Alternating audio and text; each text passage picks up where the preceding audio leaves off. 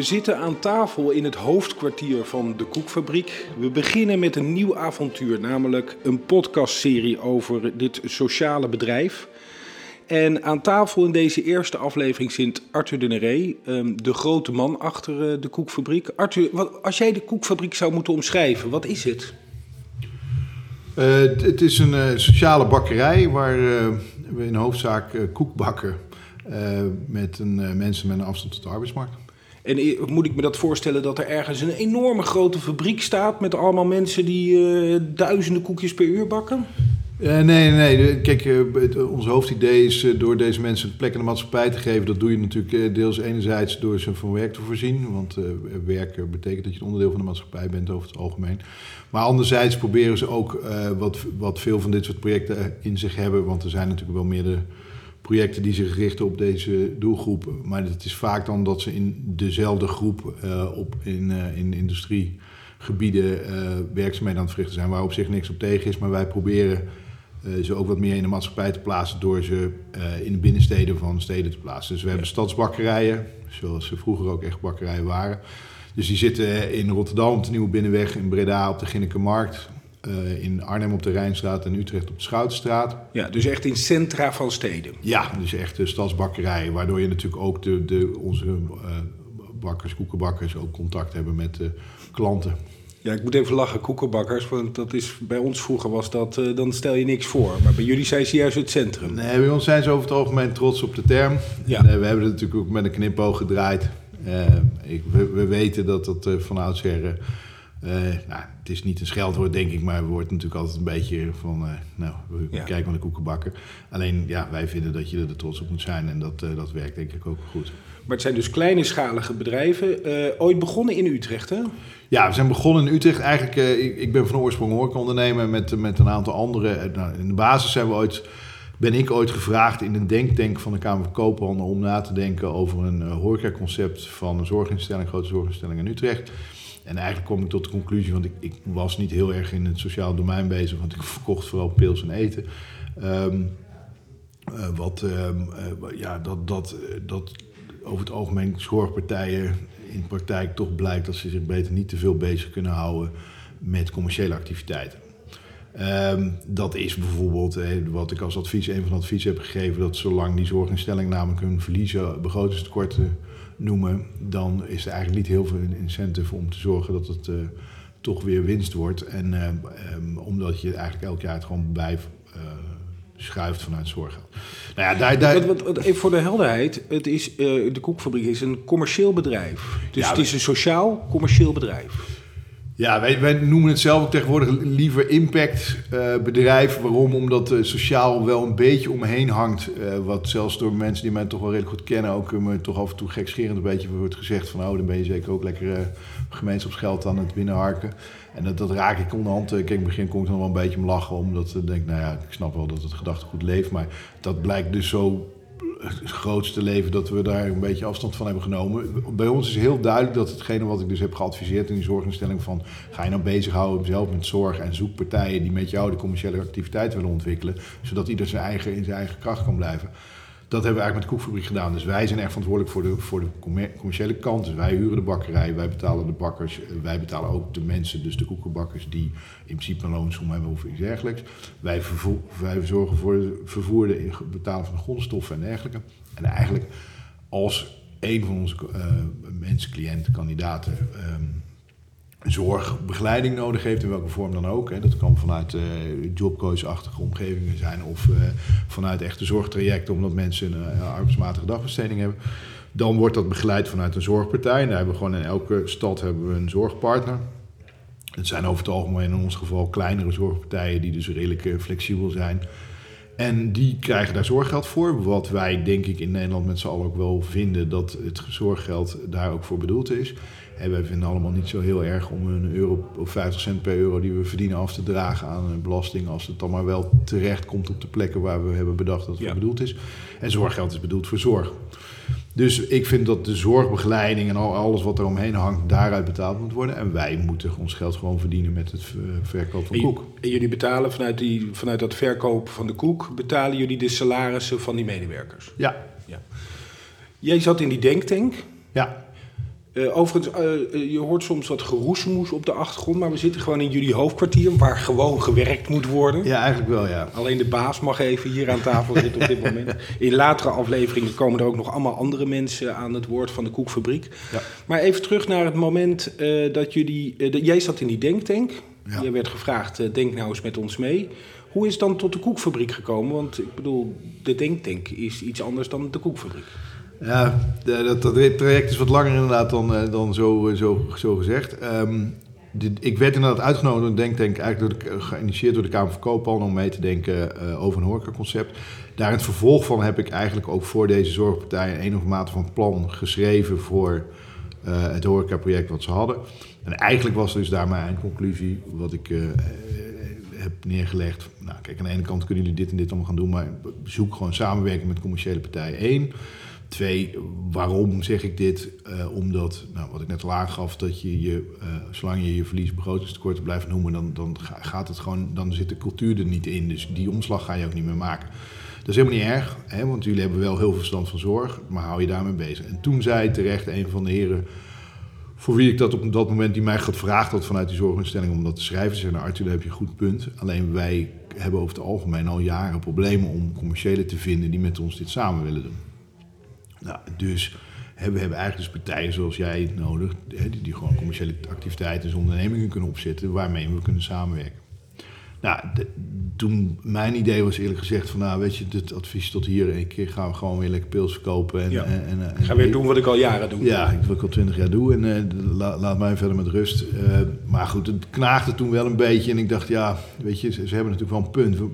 Kijk, op een ondernemende manier, en niet iedereen hoeft ondernemer te worden, maar ondernemende manier over dit soort problematiek nadenken, lost vaak wel een hoop op. Waarom? Omdat wij nogal in oplossingen denken en niet zozeer in, in, in problemen als ondernemers zijn. Ja, ik wil net zeggen, die zijn wij, maar dat zijn de, de ondernemers. De ondernemers in het algemeen. Um, dus, uh, nou ja, goed, dat is dus uh, geworden tot dat wij, dat ik zeg maar met mijn compagnons ook eens een keer bij elkaar de koppen bij elkaar heb gesteken. Zeg, nou ja, als onze vraag nou daadwerkelijk wordt gesteld, wat, wat Wij geloven er eigenlijk allemaal niet zo heel erg in dat zeker in een groep waar deze zorginstelling mee werkte, want die werkte veel met mensen met een aangeboren verstandelijke beperking, dus dat is veel mensen met autisme. Nou, die, daar, staat, dat, daar zit heel veel verschil in, in gedrag en, en waar ze wel of niet tegen kunnen, de, mensen. Maar um, wat ze eigenlijk allemaal wel redelijk hebben, is dat ze niet zo heel erg tegen grote veranderingen kunnen. En nou, als iets veranderlijk is qua werk, dan is dat horeca wel. Want je kan zo uh, twee vingers in je neus zitten en, uh, en, en, twee minuten later kunnen er 80 man op je terras zitten. En dan moet je wel een beetje kunnen schakelen. Dus dat was geen optie? Nee, dat vonden wij geen optie. Dat was mijn advies overigens ook aan, uh, aan de zorginstelling. Dat zij in hun horecaconcept beter de mensen niet op de vloer zelf, althans niet in een te stressvolle situatie konden brengen. Um, dus dan kon je ze beter werkzaamheden laten doen die binnen de horeca ook wel zijn. Want ik snap wel de link met de horeca. Waarom? Omdat link natuurlijk met de horeca leuk is. Omdat je niet alleen met je collega's in je groep zit, maar ook omdat je vaak in contact komt met je gasten. Maar goed, maak dan in een meer open keuken gedachtegoed. Uh, een open keuken waar je bijvoorbeeld mensen mise en place laat doen. En een Color Kitchen doet dat bijvoorbeeld ook. Hè, dus dat is allemaal niet zo heel uniek. Uh, en daarvan is eigenlijk bij ons de groep waar, wij, waar bij ons om werd gevraagd. Dus, dus de, de mensen met die arbeidsmatige dagbesteding. Die hadden natuurlijk als soort uitdaging dat ze ook nog eens een keer vaak in opvang zaten. Waar ze s'avonds gewoon om vijf, zes uur moeten zijn. Dus eigenlijk niet in avonturen kunnen werken. Nou, dan kom je al snel op een dagconcept. Dagconcept is natuurlijk koffiebarretjes. Koffiebarretjes zijn nogal populair de laatste tijd. Uh, althans de laatste jaren. Schieten natuurlijk als kool uit de grond. Als we daar nou eens uh, wat mee zouden doen. Hè, want dan heb je toch een dag horeca. Je hebt dus, dat valt goed samen met het ritme. Zeker met de groep waar we mee begonnen. Uh, en, en, als we nou eens in dat idee het bijproduct, ofwel de koek, voorop zetten. Maar hoe dus kom je op koek? Ik bedoel... Nou ja, koek zit natuurlijk altijd bij koffie. De, ja. Dus, en dus dan krijg je de koek bij de koffie. Nou, dan gaan we de koekfabriek bouwen. En dan zeggen we dus eigenlijk, we zijn geen koffiebar, maar een koekbar. En je gaat dus eigenlijk, als je binnenkomt, kies je eerst het koekje. En dan krijg je de koffie erbij in plaats van dat je de koffie kiest en je koekje erbij krijgt. Dat is het oorspronkelijk idee geweest. Dat was gelukkig vrij succesvol hier in en, en, en wanneer was dat? Waar we over welk begonnen 2013, 2014. Vond je het spannend? Want ik bedoel, je bent, bent horeca-ondernemer. Je begint wel vaker nieuwe avonturen. Maar dit was toch een soort zijpad, een andere kant op. Dacht je van, uh, oh jee... Nee, ja, nee, nee dat, dat, dat, doe je niet zo vaak. Dat doe ik niet zo snel. Maar um, Nou ja, goed, het was voor mij wel een hele andere groep. Maar daarom werkte ook dat hoofdgedachte goed wat ik in theorie had bedacht, ook in de praktijk wel. Want wat wij toen dus hebben gedaan, helemaal in het begin al, is gewoon een samenwerking zoeken met uh, een Die eigenlijk dus de zorg begeleiden. Nou, dat is natuurlijk eigenlijk voor ons in de basis ondernemer het meest spannende. Ja, hoe, hoe ga je met zo'n doelgroep, hoe werkt het om? Ja. Wat kan ik wel niet zeggen? Kan ik iemand... Uh, op zijn donder geven op het moment dat hij niet werkt. Nou, dat, dat, dat ligt allemaal natuurlijk even wel wat anders met uh, deze doelgroep. Maar daar werden wij dus, net zoals zij, natuurlijk goed in begeleid. Want, wat, wat, wat, kun je ze op, zijn, op de donder geven? Oh ja. Dat, dat maakt niet zoveel uit. Nou ja, je moet wel rekening houden met wat je zegt en wel, wel, welke wereld iemand leeft. Ik vergelijk het altijd. Althans, de groep van bijvoorbeeld mensen met een Down-syndroom is redelijk goed te kaderen. Althans, dat is ook niet om ze allemaal over één kam te scheren. Maar die blijken dus vaak in een verstandelijk vermogen van een 10, 11, 12-jarige te blijven. Nogmaals, het is niet helemaal generaliserend, maar dat, dat is wel wat algemeen wordt gezegd. Nou goed, ik heb een, zoon van 11 en een zoon van 13, dus uh, toen uh, nog wat jonger. En die kan je best op bepaalde manier aanspreken dat ze bepaalde dingen wel of niet doen. Dat hoor je ook vaak van de ouders, hè, dat het probleem is dat eigenlijk niemand echt eens een keer tegen ze zegt wat ze wel of niet moeten doen. Met als gevolg dat ze daar natuurlijk ook inherent gedrag naar gaan vertonen. Worden ze verpamperd? Ja, en daar dus ook wel af en toe behoorlijk vervelend van. Uh, en dan is het heel prettig dat iemand anders ook eens een keer af en toe zegt van... Uh, misschien wordt het tijd om eens wat te gaan doen. Ja. Maar goed, je moet, er zijn natuurlijk wel genoeg van dingen omheen waar je wel rekening mee moet houden. Echt boos worden, weet je. Kijk, als je boos wordt op uh, een deel van deze, deze groep ja, dat, dat komt veel harder aan dan, dan dat bij jou of bij mij zou zijn. Maar goed, dit was natuurlijk in eerste instantie de groep uh, met mensen met afstand tot de arbeidsmarkt. En dus met uh, verstandelijke beperking. Daar werkten we samen met de zorgpartner en dat, dat ging daar goed. Maar het kabbelde eerlijk gezegd, want zo komen we terug op je vraag. Het kabbelde eigenlijk een beetje door. We zijn begonnen eerst bij een kookstudio die we hadden, die overdag meestal leeg stond. Nou, daar zijn we gewoon gaan bakken samen met die zorg. Kijk, nou, dat verbazingwekkend goed sloeg dat aan. Want op een gegeven moment zei ja, we kwamen de mensen dan binnenlopen die eindelijk erachter waren gekomen door die bakkerij zat. Omdat we natuurlijk eigenlijk aan de voorkant niet echt te vinden waren. En dus wij verkochten het in winkeltjes in gewoon een beetje uh, low profile.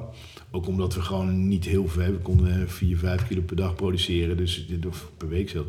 Dus dat waren 50 zakjes. Dus dat was allemaal een beetje bijzaak. Kijken hoe zich dat ontwikkelt. Nou, en daar heeft toen een dame die uh, bij ons stage liep, heeft er eigenlijk een, een scriptie over geschreven, afstuderen op de TIO. En toen, dat vond ik eigenlijk wel goed, want dan wel een goed verhaal. Dus dat was helemaal goed uitgewerkt. Ik zeg, nou, ze heet Alette Let Pot. ga het maar doen dan. Want dat is voor jou ook ondernemen. Hè? je kan er eindeloos over ouwehoeren. Je kan dikke stapels papier schrijven. Maar ondernemen betekent ook doen. Ja, kijk, het punt is natuurlijk plan. Er zijn genoeg ideeën en, en vaak ook nog wel goede, goede plannen die er te, grond, of het idee is de grondslag, maar het plan uh, zijn er vaak wel gemaakt.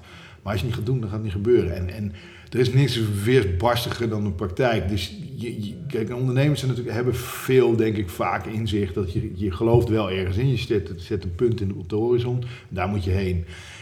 Maar die, die, weg die je daarheen bewandelt, die, die moet, je moet niet uh, dat punt gaan verliezen. Maar je, kan, je, je gaat niet strak recht vooruit. Nee. Dat kan bijna niet. Want ja, het is gewoon, ik geloof heel erg in, uh, in uh, learning by doing. Oftewel, je moet het gewoon gaan doen. En dan loop je vanzelf tegen dingen aan. Kijk, als de hele wereld zegt, als jij zegt chocolate chips, gewoon een praktijkgeval, chocolate chips moeten we gaan kopen, want dat wil de hele wereld en niemand koopt ze. Ja, dan kun je eigenwijs in de schap blijven schuiven, maar dan heeft geen zin. Dat heeft weinig zin. Jullie zaten in die kookstudio, ja. daar begonnen mee, toen kwam dat onderzoek. Ja. Um, uh, of dat plan werd nog uh, verder uitgewerkt. En, ja. en op welke dag, of voor hoe zijn jullie dan in het centrum van Utrecht begonnen? Ja, we hebben nog één tussenstap gemaakt. We zijn nog, uh, want we groeiden op een gegeven moment toch wel hard. En toen zijn we naar de productiekeuken van, uh, uh, van een ketenbedrijf gegaan, waar we toen mee samenwerkten in Kokenmeesters. En daar hebben we nog een tijdje gezeten. Dat was het Loopmanlaan, dat zit in Transwijk hier in Utrecht. Maar goed, dat was dus eigenlijk ook nog een besloten plek. En toen inderdaad in het kader, we hebben, en tegelijkertijd om wel onze boodschap meer uit te dragen, hebben we een koffiebarretje geopend op de Slagstraat. Nou, dat koffiebarretje was behoorlijk succesvol, maar dat alleen na onderzoek bleek dat 80% van de mensen die er kwam eigenlijk vooral vanwege de koffie kwamen, niet vanwege de koek. En daardoor ook het verhaal eigenlijk niet echt bewust meekregen. Dus dat vonden we dan zijn doel ook weer een beetje voorbij schieten. En toen hebben we eigenlijk om de hoek, op de Schoutstraat, dus de zijstraat van het Neuden, zijn we uiteindelijk in 2016, eind 2016, hebben we echt een bakkerij, de eerste bakkerij geopend. En toen hadden we wel ook langzaam zeker een plan geschreven waar we wel een grotere ambitie nastreefden dan één. Uh, eigenlijk gewoon kijken van werkt dit op kleine schaal en kunnen we daar wat mee. En, en, zullen, en toen hebben we wel ambitieuzere plannen neergelegd. Ja, maar goed, dat, in de Schoutstraat kwam dus eigenlijk de eerste echte koekfabriek. Ja. Zoals jullie het voor ogen hadden. Neem Ja. ons eens mee naar die plek. Is het eh, met tafeltjes en een, eh, een grote oven waar koekjes uitrollen? Hoe werkt dat? Ja, Eh, ja het, het is echt een beetje zoals je een oude bakkerij vroeger voorstelt. Dus je komt gewoon binnen en dan heb je links en rechts schappen waar alleen maar koek staat. Eh, en dan achterin, ja, zoals je in een restaurant een open keuken hebt, hebben wij een open bakkerij waar inderdaad een hele grote oven staat waar karren tegelijk in worden gereden. Mengkom en een bakker. Karren tegelijk, dus dat is een grote oven. Ja, nou niet tegelijk zo, maar eh, kar erin, eruit, Oké. kar erin. En er zijn dus wel, eh, wel eh, grote ovens, inderdaad, grote ovens. Dus gewoon, ja, het is een industriële oven, zoals dat heet. Dus er wordt ook echt, er, er wordt, nou ik zei je net dat toen we begonnen werd er in dat, eh, werd er 5 kilo per week gebakken. En nu bakken we 400, 500 kilo per week.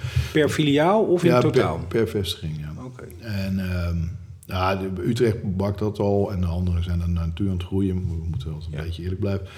Eh, maar de potentie zit er wel. Dat is wel aardig, ja. Ja, dat is aardig, hè?